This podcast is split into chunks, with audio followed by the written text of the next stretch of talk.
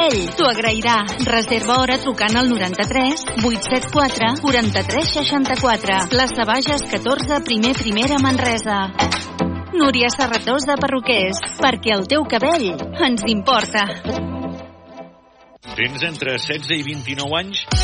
Forma't pel futur amb Baja Jove Inserlab 4.0. Disseny 3D, màrqueting, mecànica. Informa't a inserció arroba ampans.cat o al 629 145 235. Aquesta actuació està promoguda i impulsada pel Servei Públic d'Ocupació de Catalunya amb fons rebuts del Servei Públic d'Ocupació Estatal, el CEPE. Hora 14. Catalunya Central. Eli Pagant.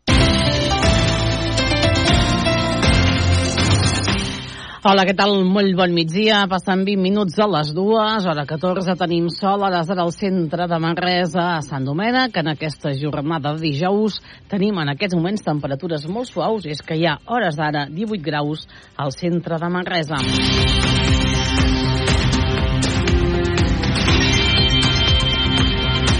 Els pagesos de la Catalunya Central ho acaben de sentir en els nostres companys de SER Catalunya. Han passat, doncs, la nit a Barcelona i són els que s'han reunit avui al Parlament de Catalunya amb la seva presidenta, però també amb els diferents grups parlamentaris. És una crònica de l'Eduard Font. Els pagesos de la Catalunya Central han liderat les protestes de la pagesia aquest dijous davant del Parlament de Catalunya i han aconseguit sortir-ne amb compromisos importants dels diferents partits. Després de la jornada de mobilització pel centre de Barcelona, molts tractors van abandonar la ciutat comtal entre aquest dimecres al vespre i dijous al matí, descontents per la resposta del govern d'ajornar dues setmanes al debat però una cinquantena han fet aquest dijous al matí una marxa lenta cap al Parlament. Majoritàriament es tractava de pagesos del Bages, Berguedà i Osona. Alguns han pogut entrar al recinte del Parc de la Ciutadella. De camí fins al Parlament, la marxa agrària feia proclames en defensa del sector i cridava lemes com Bon dia barcelonins, som pagesos i n'estem farts. Aquest grup de pagesos ha passat la nit a Barcelona, principalment a la Gran Via, després de la mobilització de dimecres, en què uns 2.000 tractors van entrar a la capital des de diferents punts del país. En arribar al Palau del Parlament, els pagesos han estat rebuts per la presidenta de la cambra, Anna R., al despatx d'audiències, on hi ha mantingut una reunió. Posteriorment, els manifestants s'han trobat de forma conjunta amb representants dels grups polítics del Parlament a una de les sales de la cambra. Allà, pagesos i polítics han pogut intercanviar impressions sobre les demandes que fan i les protestes d'aquests dies. Per cert, que amb els pagesos mobilitzats a les portes del Parlament aquest dijous, el conseller David Mascor s'ha compromès a treballar plegats amb el sector per trobar solució al seu malestar. Uh, seguirem treballant per atendre totes les demandes del nostre sector primari. Segur que treballant plegats ens en sortirem, com sempre, en aquest país quan enfrontem els reptes de forma conjunta. Gràcies. Ha estat després d'una interpel·lació de la diputada porratxenca d'Esquerra Republicana, Alba Camps, qui ha expressat orgull per les mobilitzacions i ha dit que es traslladaran en accions concretes els propers dies i mesos. El més ferm compromís en dir-vos que aquestes mobilitzacions marcaran un abans i un després i que, per tant, es traslladaran en accions concretes en els propers mesos i dies. Sou un orgull i nosaltres sempre, sempre estarem al costat de la pagesia d'aquest país per garantir el nostre futur, que en definitiva és el vostre.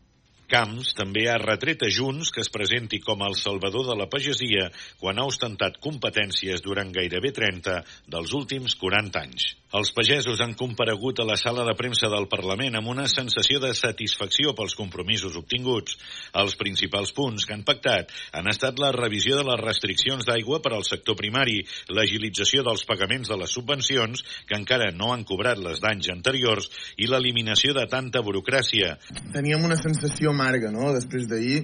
Vull dir, es va prometre una reunió, que eren només paraules. Vull dir, necessitàvem alguna més. Necessitàvem unes garanties.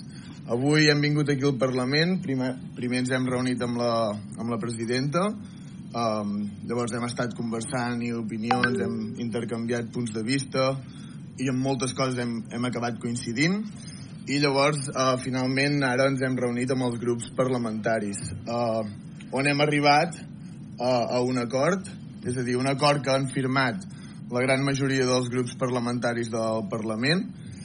I aquest acord a part de parlar de tota la llista de temes que s'han de gestionar, que és molt llarga, uh, hem decidit uh, prioritzar tres, tres punts claus, que pensem que aquests punts són els que ara afecten i els que s'han de, uh, s'han de treballar perquè són els que ens estan afectant ara mateix. Malgrat això, diuen que seguiran les mobilitzacions fins que tot plegat no estigui signat i negre sobre blanc. Des de, des de la Catalunya Central eh, s'ha decidit que les mobilitzacions no s'aturaran fins que eh, aquests acords es parlin al Parlament i hi hagin eh, tractes firmats.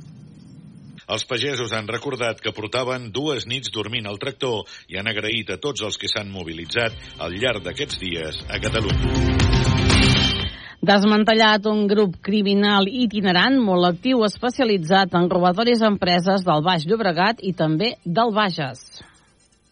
Els Mossos han desmantellat un grup criminal itinerant molt actiu especialitzat en robatoris a empreses del Baix Llobregat i el Bages.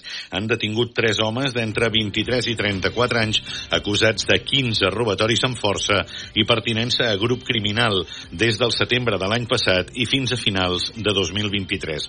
En concret, se'ls acusa de quatre robatoris a Sant Just d'Esvern, quatre a Sant Fruitós de Bages, dos a Manresa, dos a Sant Padó, un a Sant Joan d'Espí, un a Sant Andreu de la Barca i una Sallent. Els lladres entraven a l'empresa per la força i principalment sostraïen material informàtic. En total, la quantitat supera els 100 ordinadors. Els integrants seguien un mateix modus operandi. Tots els detinguts, que ja han passat a disposició judicial, tenen antecedents per fets similars. La investigació continua oberta i no es descarten noves detencions. Segons la investigació policial, els lladres llogaven els vehicles amb què cometien els robatoris amb l'objectiu de dificultar la identificació. Es desplaçaven de nit i forçaven els accessos de les empreses, trencant vidres o forçant portes i finestres quan no hi havia ningú. A més a més, durant el robatori es tapaven amb passamuntanyes i guants per no deixar cap element que els pogués identificar. Es dona la circumstància que en un dels robatoris els lladres es van oblidar una motxilla serigrafiada amb el nom d'una empresa on havien accedit el dia abans. Avui arrenca un dels carnavals més tradicionals de casa nostra, com és el de Solsona, un carnaval que farà servir aigua freàtica tractada per un dels seus actes més emblemàtics, la penjada del ruc. Un dels actes més emblemàtics i participatius del Carnaval de Solsona és la penjada del RUC a la Torre de les Hores, que es farà aquest proper dissabte a la nit. Amb l'objectiu de complir amb la normativa del Pla de Sequera, s'ha decidit que el RUC faci una micció simbòlica sobre el públic amb aigua freàtica tractada i no procedent de la xarxa. Sí que se'n fa servir eh, en un moment amb la, a la penjada del RUC, el RUC pixa sobre, sobre de la gent i amb l'Ajuntament estem treballant per veure com es pot, com es pot mantenir això com es pot mantenir la, la penjada si ha de ser mm, captant aigua freàtica i tractant-la o, o aviam com ho, com ho podem com, com es pot solventar per no utilitzar aigua de boca eh, en un cas així també és veritat que no, no és una quantitat de litres molt impressionant. La penjada del RUC, que l'any que ve complirà 40 anys, és un dels actes més participats i populars del Carnaval de Solsona. Es va instaurar l'any 1985 i, segons explica una rondalla, es va fer pujar a un ruc al campanar perquè mengés unes herbes que hi havien nascut. La bèstia es va fer enfilar amb una soga lligada al coll, ja que les escales eren massa estretes i per això l'animal orinava mentre agonitzava. Cada any es reviu aquesta llegenda el dissabte de Carnaval amb la penjada del ruc, el dilluns de Carnaval infantil i també el dimecres de cendre amb la despenjada de l'animal, amb l'objectiu de no deslluir un dels actes més participats de la festa, però al mateix temps complir amb les restriccions per la sequera, l'Ajuntament de Solsona ha decidit que l'aigua que es faci servir per aquest acte sigui freàtica i no procedent de la xarxa. Ens en anem als esports. Una baralla a la mitja part entre jugadors de la Pirinaica i el Sant Joan de Montcada va fer que el partit de primera catalana de futbol acabés suspès. L'àrbitre assenyala la fi de la primera part, amb empat a un. Els jugadors marxen cap a vestidors, caminant, sense pressa. Però un jugador del Sant Joan Montcada, a Mantini, arrenca a córrer. Es va aturant, mirant enrere, fins que s'acosta a Sofian Grana, de la Pirinaica.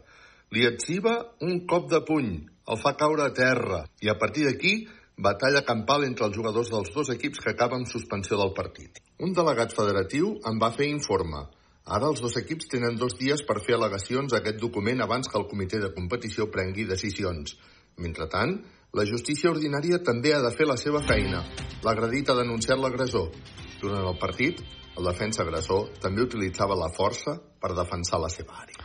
Són dos quarts de tres. Dos y media, una y media en Canarias, con las organizaciones agrarias con representación oficial en la calle y con más tensión que en los dos días anteriores.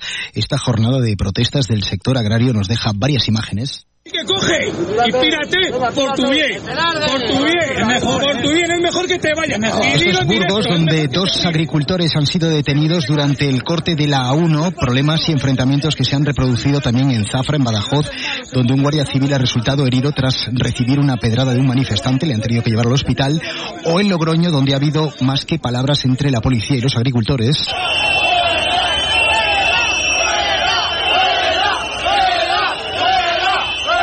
en Ciudad Real frente la Confederación del Guadiana, que es quien regula allí los regadíos. Y donde los agricultores han arrojado purines y vino que habían llevado allí en un camión cisterna. Movilizaciones que nos dejan también